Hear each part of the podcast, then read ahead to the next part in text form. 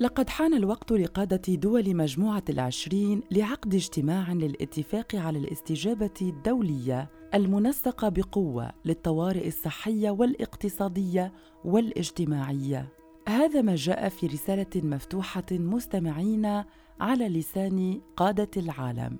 رسالة وجهوها لمجموعة دول العشرين أو لمن يمثلها كان ذلك في بداية أزمة كورونا عندما شعر العالم بأنه يقترب من الكارثة. في حلقتنا اليوم من بودكاست في عشرين دقيقة مستمعين نحلل وإياكم آخر الاجتماعات التي انعقدت بحضور وزراء المالية المختلفين الذين يمثلون مجموعة العشرين اجتماع انعقد يوم السبت الفارط يوم الثامن عشر من يوليو عشرين وألفين بالتحديد. وسيكون معنا في هذه الحلقة للتحليل الخبير الاقتصادي السيد عز الدين السعيدان.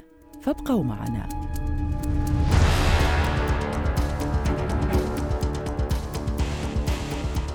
قبل أن نخوض وإياكم مستمعينا في تحليلنا لآخر اجتماعات مجموعة العشرين دعوني أقدمها لكم قبل كل شيء. متى تأسست وما هو الهدف من تأسيسها؟ فمجموعة العشرين مستمعين هي عبارة عن منتدى اقتصادي تأسس سنة 99 و900 وألف بسبب الأزمات المتتالية خاصة الاقتصادية طبعا في التسعينات. يمثل هذا المنتدى ثلثي التجارة العالمية وأيضا يمثل أكثر من 90% من الناتج العالمي الخام. مجموعة العشرين تهدف إلى الجمع الممنهج لدول صناعية ومتقدمة هامة جدا في الاقتصاد العالمي وذلك بغية نقاش القضايا الأساسية التي يمكن أن تهم هذا الاقتصاد. وأول اجتماع للمجموعة أو للمنتدى منتدى مجموعة العشرين كان يوم الخامس عشر من نوفمبر لسنة ثمان وألفين حيث اجتمع رؤساء الدول والحكومات وليس فقط وزراء المالية بما أنها عادة ما تكون اجتماعات المجموعة ضامة لوزراء المالية فقط وذلك بما أنهم الأقدر على تمثيل رؤساء حكوماتهم خاصة في الجانب الاقتصادي. وجاء تأسيس منتدى مجموعة العشرين على هامش قمة مجموعة الثمانية في الخامس والعشرين من سبتمبر أيلول لسنة 99 و900 وألف. بالتحديد كان ذلك في واشنطن. العاصمة عاصمة الولايات المتحدة الأمريكية في اجتماع لوزراء مالية مجموعة العشرين الغرض من ذلك كان تعزيز الاستقرار المالي الدولي وإيجاد فرص للحوار ما بين البلدان الصناعية والبلدان الناشئة اقتصاديا كذلك من ناحية أخرى. الاتحاد الأوروبي يمثله رئيس البرلمان الأوروبي والبنك المركزي الأوروبي وهو ما يفسر التسمية بمجموعة العشرين. وأما الأطراف الأهم في هذه المجموعة والذين تمثلهم شركات قوية اقتصاديا وكذلك منظمات نقدية دولية مهمة كذلك اقتصاديا. نجد مثلا من المؤسسات المؤسسة التالية مجموعة برايتون وودز الاقتصادية وكذلك نجد الرئيس التنفيذي لصندوق النقد الدولي والذي لطالما كان وجوده مهما جدا في مختلف الاجتماعات لمجموعة العشرين. نجد كذلك رئيس البنك الدولي واللجنة النقدية والمالية الدولية ولجنة التنمية التابعة لصندوق النقد الدولي والبنك الدولي. وبذلك ينتمي أعضاء البلدان المختلفة إلى مجموعة الثمانية بالأساس وإحدى عشرة دولة أخرى من الاقتصادات الناشئة والاتحاد الأوروبي هو العضو العشرين في المجموعة.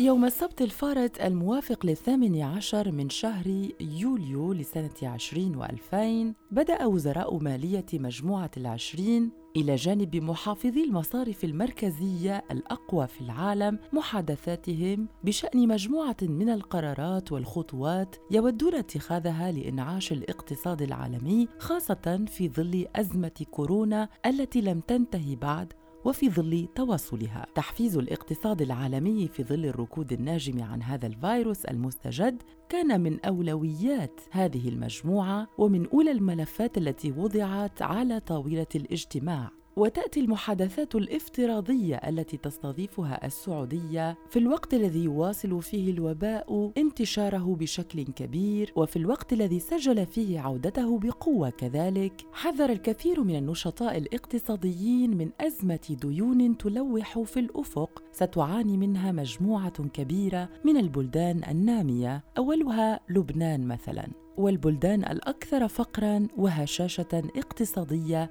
في العالم. ضيفنا لهذا اليوم السيد عز الدين سعيدان هو خبير اقتصادي. سيجيبنا على كل تساؤلاتنا حول هذا الاجتماع الطارئ لمجموعة العشرين. فما توقعات خبيرنا الاقتصادي لهذا اليوم عن مختلف القرارات التي تم اتخاذها إثر اجتماع مجموعة العشرين فيما يخص إنعاش الاقتصاد العالمي؟ مجموعة العشرين في اجتماعها الأخير عبرت على تخوف كبير من حدوث أزمة اقتصادية ومالية كبرى في العالم شبيهة ربما بالأزمة التي حدثت في سنتي 2007 و2008 آه، بعد آه، أزمة السب برايم في الولايات المتحدة الأمريكية والتي انتشرت في العالم كله. ولكن ما نراه هو أن جل الدول الكبيرة في الغرب وفي الشرق أيضا يعني جل هذه الدول تعلمت الدرس وحافظت في هذه الأزمة أزمة الجائحة الكوفيد 19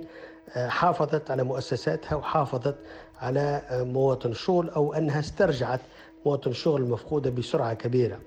الحلقة الضعيفة هي البلدان النامية والبلدان الفقيرة ربما لم تواجه هذه الأزمة آه، بما يكفي من الإجراءات ومن القرارات وجل هذه البلدان.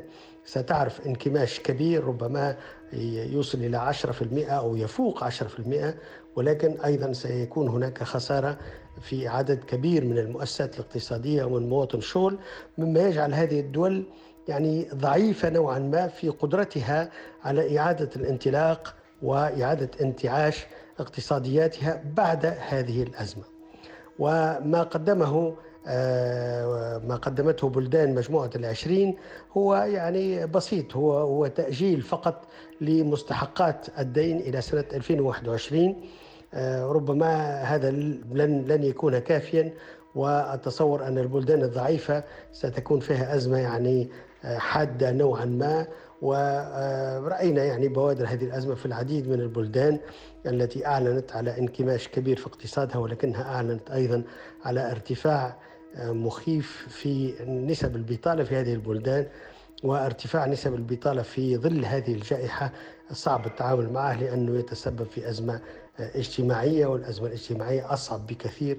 حتى من الأزمة الاقتصادية والأزمة المالية. جل المخاوف الاقتصادية حاليا مرتبطة بشكل كبير بالتطور الذي تشهده أو يشهده فيروس كورونا في العالم. فأكبر القوى الاقتصادية هي الأخرى خائفة على غرار البلدان النامية من الأثر الكبير السلبي الذي يمكن أن تخلفه كورونا واستمراريتها في العالم على اقتصاداتها. فما رأي خبراء الاقتصاد بهذه النقطة بالذات؟ نحن لا نعلم أن هل سيكون هناك موجة ثانية أم لا ولكن نحن نعيش يعني ظروف صعبة. حتى في الموجة الأولى آه، يكفي أن نرى ما يحصل الآن في الولايات المتحدة الأمريكية وفي البرازيل وفي عدة بلدان أخرى.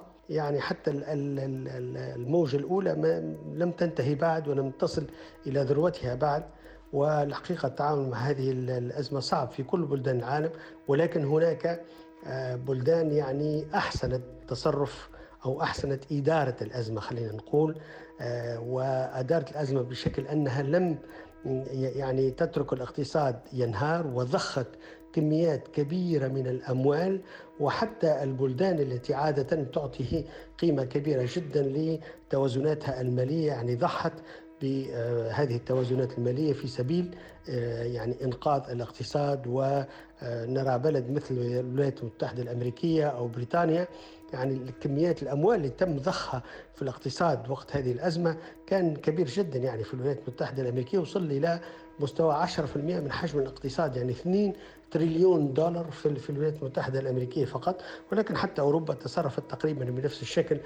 وبالتالي أعتقد أن في هذه المرة التصرف الأزمة كان يعني أفضل بكثير من تصرف البنوك المركزية والسلطات في أزمة 2007 و2008 مثل ما قلنا الحلقة الضعيفة ستكون البلدان النامية والبلدان التي ربما ليس لها تجربة كافية في هذا الميدان والتي ربما لم يكن لها الجرأة الكافية لضخ كميات كبيرة من الأموال مع المخاطرة ب يعني آه، ارتفاع نسب التضخم.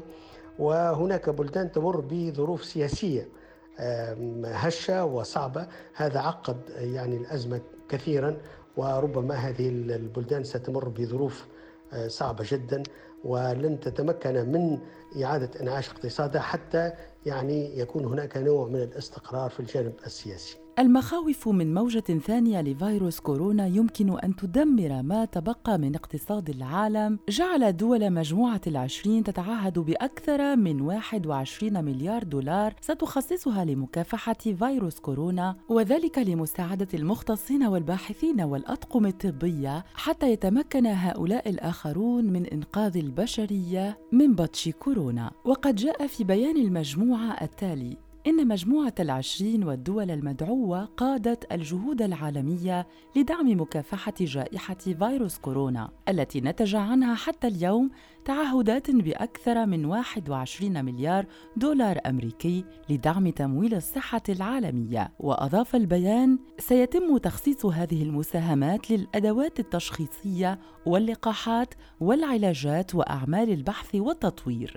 ويذكر أن المجموعة كانت قد دعت في نيسان أبريل الماضي كل الدول والمنظمات غير الحكومية والمؤسسات الخيرية والقطاع الخاص للمساعدة في سد فجوة مالية تزيد عن 8 مليارات دولار لمكافحة جائحة كوفيد-19 أما عن المملكة العربية السعودية التي ترأست مجموعة العشرين حالياً تعهدت بتقديم 500 مليون دولار لدعم الجهود العالمية لمكافحة كورونا. الحقيقة إن كانت هناك موجة ثانية كوفيد 19 الحقيقة التأثير سيكون عميق. يعني نحن الآن نتكلم عن اقتصاديات تحملت في جلها يعني آه، حجر صحي كامل لمدة أسابيع طويلة وتوقف كامل للإنتاج في بعض القطاعات توقف كامل للطيران في العالم وتوقف كامل لقطاع السياحة وهذا طبعا عنده تأثير عميق جدا على كل هذه الاقتصاديات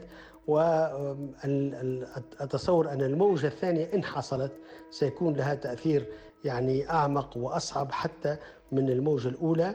لأنه آه، هناك بوادر لظهور يعني آه، شيء من التضخم المالي في البلدان آه، التي تكلمنا عنها والتي ربما لن تسمح لنفسها في الموجة الثانية أن تتصرف بنفس الشكل الذي تصرفت به في الموجة الأولى. ثانيا إن كان هناك موجة ثانية فلا أعتقد أن الشعوب ستكون منضبطة مثل ما كانت يعني في الموجة الأولى لأن الموجة الأولى كانت صعبة جدا على كل الشعوب وعلى كل الأفراد يعني حجر صحي شامل يعني حاجة غير معهودة وصعب التعامل معها. وكل المجتمعات تقريبا الآن تدعو إلى تعامل مختلف وعدم اللجوء إلى الحجر الصحي الشامل ولكن التعامل بحكمة أكثر وربما اللجوء لما يسمى بالحجر الصحي الجزئي أو ما يسمى بالحجر الصحي الموجه يعني باختيار قطاعات معينة وتصرف معين لا, لا, لا يصل إلى مستوى الحجر الصحي الكامل.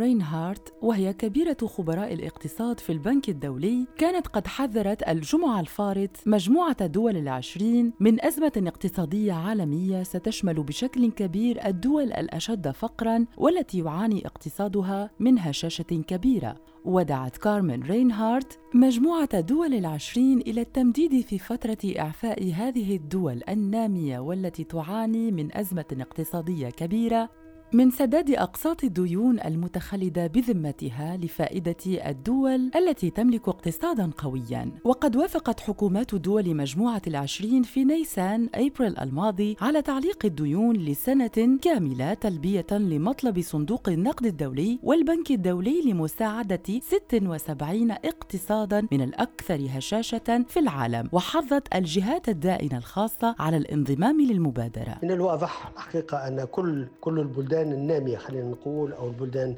ذات الدخل الضعيف هي التي ستعاني أكثر من غيرها إن حصلت موجة ثانية لأن إمكانياتها محدودة.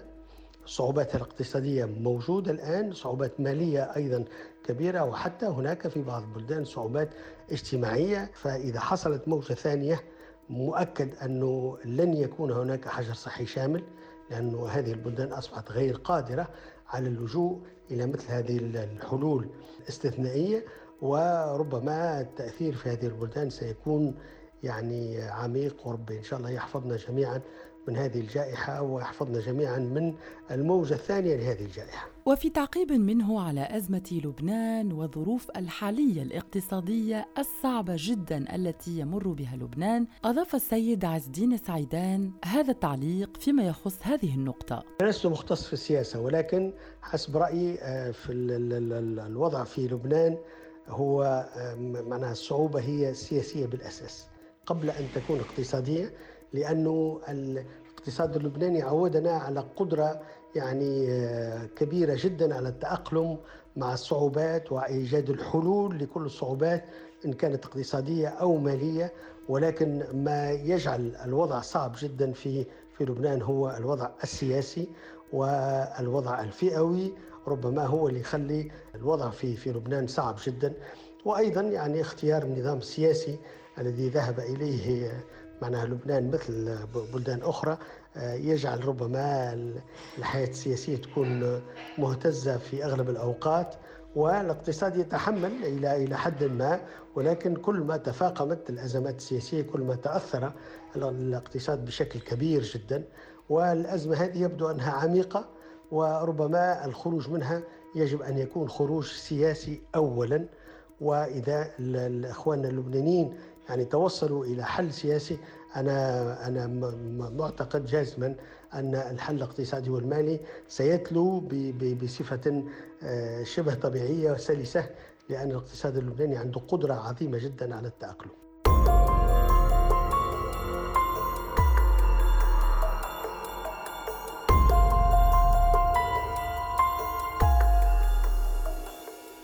في أيامنا هذه واقتصاديا أو سياسيا أو اجتماعيا أو صحيا خاصة ما نزال نتحدث عن ما قبل الجائحة وما بعدها بكل دوله وبدون استثناءات من ما بعد جائحة كورونا خاصة وأنها قد عادت من جديد للانتشار بنسق يمكن أن يكون أسرع من ذي قبل. من المؤكد أنه مثل ما قيل العديد من المرات أنه سيكون ما قبل الجائحة وما بعد الجائحة.